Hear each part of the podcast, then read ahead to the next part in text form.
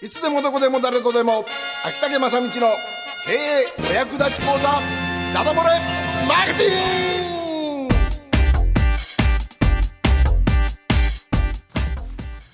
時刻は6時を回りました。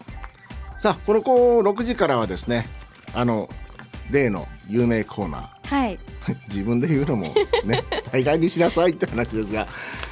秋竹正道の、えー経営お役立ち講座ダダ漏れマーケティングということで、えーこの13回にわたりますシリーズでですね、えー地域密着型小さな会社の地域密着型ブランドの作り方っ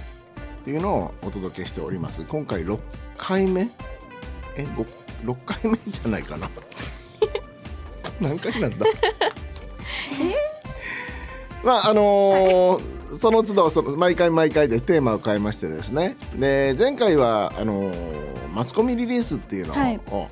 やりました。まああのある程度私たち自身その商、えー社長さんなり商売なりのアイデンティティを決めてですね、まあ、ミッション決めたりする、個性をしっかりと確立しましたら、えーマスコミにどんどん出ましょうということをお伝えしたんですね。でえマスコミのこのリリースの仕方にはその一つのやっぱ方法論というか、えー決まりきった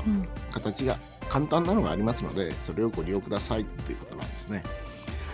ということでこれもしうまくマスコミに、えー取り上げられましたと。となりますとまあそれからいろいろと今度お客さんが増えてきたりですね、えーあるんですがせっかくマスコミ出たらですねここはちょっと覚悟を決めて、えー今回の、えーお話はですねとにかく地場産業は社長のトップ営業しかないはしかないって言ったらおかしいね産業うんは。、社長がトップ営業しろですね。さあどういうことかと申しますとあのー経営の勉強会とかですねそれから社長さん仲間とかでお話ししますとよく言われるのがですねちょっと調子良くなったらとかえちょっとあ有名になったらやれテレビに出まくるとかラジオ出まくる新聞出まくるそれから講演セミナーしだすっていうてこんなのろくなことないってそのうちね大ごとするとって言うて、えー言われるので,、で皆さんこうテレビに出たりいろんなところに顔出すことをですね控え気味になっちゃうとかあるんですね。まあ調子に乗ってからああいう人の前でからやんやん喋りよるけどって、うんまあ、今に見とってんっていうことをですねよく言われるんです。えこれはですねえもう迷信以外の何者でもないと。私は思っておりましてとにかくですね、えーぜひぜひあの特に自前産業の方はですね地域の中で社長さんが有名になる。あの商売のことを知らなくてもあの人は知ってる。というような、えー形でですね、えーブランドというか、えー知名度を上げていった方がいいと私は思っております。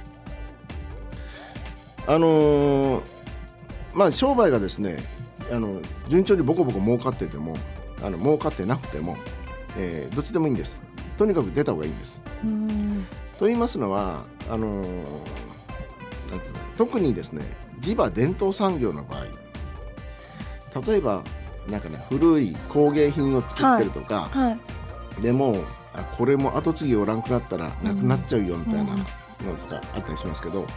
そういう時ってやっぱり皆さんその商品を買おうかなって思う時にやっぱ社長さんが職人っていうのは、まあ、社長というよりその職人さんであること大きな要素だと思うんですね。はえーっとですね、まあ干物屋は地場伝統産業というものでもないんですけど、い。はい。でもないけれども単純にこう商品だけがこう流通していてスーパーに並んでます、えー小売店で売ってますっていうよりもそのあそこの干物屋の社長がえこういう職干物職人うん。という顔が見えた方が、うん。ね購買の動機が大きく違うと思うんですね。あの今私が言ってるのはその専門家としての、えー有名になりなさいっていうのはもちろんなんですが今この今この放送の時間の中で言ってるのはとにかくその専門家じゃなくてもはい。その分野の専門家じゃなくてもいいからとにかく何でもいいからテレビに出まくったらいいよって話をしてるんですが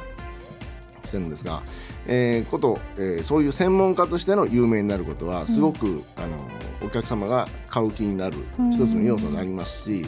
それとですねなんで出まくったらいいかというと有名になるといいかというとあのお客様特に既存のお客様がですねはい。非常にまあ喜んでくれるというか反応してくれるんですよ。うーん。例えば私はもうバナナマンとか言って結構で出させてもらってますが、まあ、これだけ出させてもらっていても、あのいろんな方がですねあの社長見たようーん。ってい言われるわけですね。はい。でわざわざお店まで来て、はい。この前出とったねって言って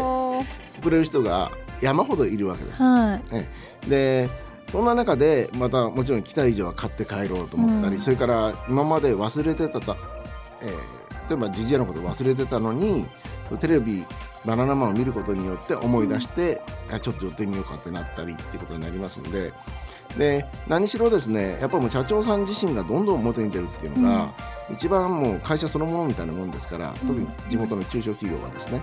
えーそういう既存客の方が一番喜んで喜んでくださる。る。そして、えーもしそれがですね、あのーできれば一番で出る形でいいのはその専門家としての形が一番いいです。例えばラーメンの専門家であったり今職人だよねうん。で干物の職人であったり例えば IT の機械の部品の、あまあ、IT というか機械の部品の職人であったりロボットの職人であったり専門家であったりえーそういうので、えーとにかく有名になってくるっていうのがね一番、えーもうパワフルですジャパネット高田とかねモロ社長さんがね。表に出るでしょ？はい。で社長さんがやっぱりこうあの放送やってないとなんか嫌でしょ？そうですよね。他。ねうんうん。ある意味、ほん、本当、その通り、あの顔っていう感じですよね。うんうんラジオとか最近他のね、うん社員さんがやられてるけどえー社長じゃないのかようんみたいな、えー感じがありますしで古くはピップエレキバンとかねはい。あ知ってる世代ですかねはい。ピップエ。レキバンのねあの会長が出てきたりとか、えーだから本当社長自身がこう営業するっていうことで、えーお会社が大きくなってたのはすごくありますんでね。で、あのーまあ、地場伝統産業は特に、ね、地場産業もとにかく社長は表に出た方がいいですよ有名になった方がいいですよなんですがこれからじゃあメディアだけじゃなくてメディアっていうかテレビとかラジオとか新聞とかじゃなくて今はもう SNS 要するにソーシャルメディアとかありますので、えこの辺もぜひ駆使してもらいたいと思っているところです。と言いますのはあのこのミクシーやそれから、えー、Facebook などが始まってですね本当に人脈というものが非常に作りやすくなった、えー今まではそのなんとかクラブなライオンズクラブとかそれから、まあ、青年会議所とかそれからあと何ですかロータリークラブとか。地域の団体に入らないとなかなか人脈ができづらかったしそれから趣味の分野でも、えー例えば習い事にしてもそれから、えーまあ、鉄道関係にしてもいろんなマニアックな、はい。ありますね。ああいうのも非常に自分で探してその場に行ってその会費払ってみたいな形でしかなかなかしづらかったのが、今はもうフェイスブックとかで今までとても会えないかったような人たちにどんどん会えるようになっちゃってるわけじゃないですか。だからこの中でもう本当にフェイスブックなどを使ってですね自分を有名にしていくはい。もうブランドというか知ってもらう、うん。うん、ということが非常に大切でで Facebook などは結構交流の世界だからそのあんまりお友達を増やしちゃいけないいけないみたいなことを言われるんですが私はですねもうそんなこと関係なしに社長さんはどんどんどんどん増やしていいと思ってるんです。どんどん増やしてでお商売に関係ない方はね、はい。まあ、そのことする必要ないけど、うん。商売される人はもうどんどん増やしていっていいと思うし、その中で、えーもうこのフェイスブックとかができたおかげで人脈を作るっていうのが本当に大衆化された、えー民主化された誰でも作れるようになってきた時代ですから、えーその中で、えーメディアに出なくてもフェイスブックの中で有名になる。うん。っていうのことを仕掛けてもらいたいしそれからあとブログですね。私はブログはつけてないんですがもう本当最初のとっかかりでブログをしっかりとつけられるのもいいと思うんですよね。でまあブログの場合はですねせっかくブログ書くならば書くならば、えー、単純に面白いやつっていうことで思われてもいいんですがもちろんいいんですがまたあのー、なんですかね料理の写真ばっかりアップするのももちろんいいですし、えー、いろんなニュースからをニュースを引用して、えー、書いていくのもいいですしどういうやり方でもいいんですけどたまにですね自分の商売に関わりのあるちょっと専門的な知識をさりげなくさりげなく出していくと、えー、いいんではないかと思うんです。さあ、あのー、社長さんがですね、えー、なんで有名になるべきなのかっていうのは基本的には、えー、教科書的に言えば目的は一つ。自分の商売の専門性 専門家としての、えー、ブランドを高めることです。もうあれのことにああのことについてはこの社長に聞けっていうことなんですね、うん、であの人に任せれば大丈夫。あの人のところの商品はまず間違いないだろう。でこういうことが非常に大切になってくるんですがでこうやって今、えー、10分間にわたって喋ってきましたけど最後に今までの話は何だったんだっていうことを言いたいと思うんですが、はい、とにかく とにもかくにもですねいろいろ専門性を持ってやりましょうとかこういうイメージつけましょうとかだから出た方がいいですよと言いながらもぶっちゃけですねもう本当に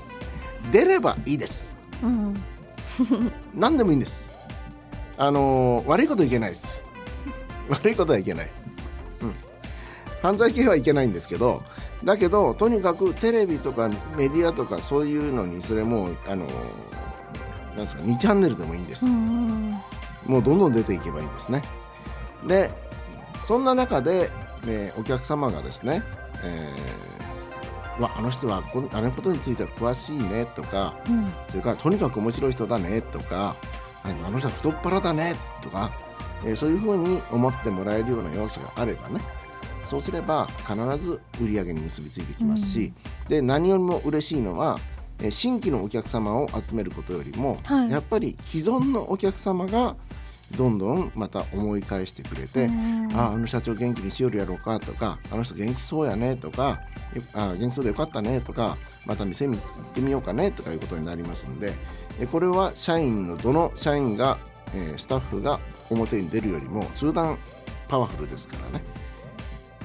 極力極力とにかく有名になるようにした方がよろしいかと思います。できっとこういうふうに言いますとですね、あのー、世の中のご商売人の方々からですね反論あると思います。いやうちの会社は絶対 そんな社長がね表にワイワイ出て騒ぐようなね、うん、えー、そんな業種やないとかいうふうに言われると思います。まあそういう方がねいらっしゃるそれは宣伝もいいんですけど私はこれからもうとにかく、えー、売り上げ伸ばしたいんだと言われる方はね、うん、もうどんどん表に出たらいいです。でもうちょっと儲かったからと思って偉そうにって仮に言われたとしてもセミナーやるだんだんやったらいいんですよ。うん、うん、私はこういうふうな形で儲けました。あるいは私はこういう、この商売をえー、こういうふうに詳しく例えば干物の作り方とかね、はい、どんどん喋ればいいんです、うん、えー、そうすればですね、あのー、受講する人がは今度いろんなところでまた喋ってくれますからね。どんどん伝染していくんですよね。はい、ということで、えー、今日のお話はですね、えー、ダダラモーレマーケティング、えー、小さな 小さなんか眠たそうってねよく言われる。寝とるんやないってよく言われるんよ。小さな会社の地域密着型ブランドの作り方第6回だと思うんですけどなんかだ7回目ですっていうメッセージが来てますよ。皆様の力によって支えられているコーナーです、はい、ありがとうございます。トッチーさんかなトッチーさんありがとうございます。第7回目になりますけど。そういえばねトッチーさんなんかねすごいんですよ。こうラーメン屋さんですけど。歌うラーメン屋ですから。でこうトッチーさんはもう表でいっぱい歌うじゃないですか、はい、でこれが一番いいのよ好きなことやって宣伝できるっていうかみんな知ってくれるっていうか。これ普通のラーメン屋じゃねえぞみたいな感じになっちゃうわけでもうこれはすごい特技というかうん、もうどんどん歌ってもらいたいと思ってます。ということで第7回「ダダ漏れマーケティングは」社長はトップ営業しようでございました。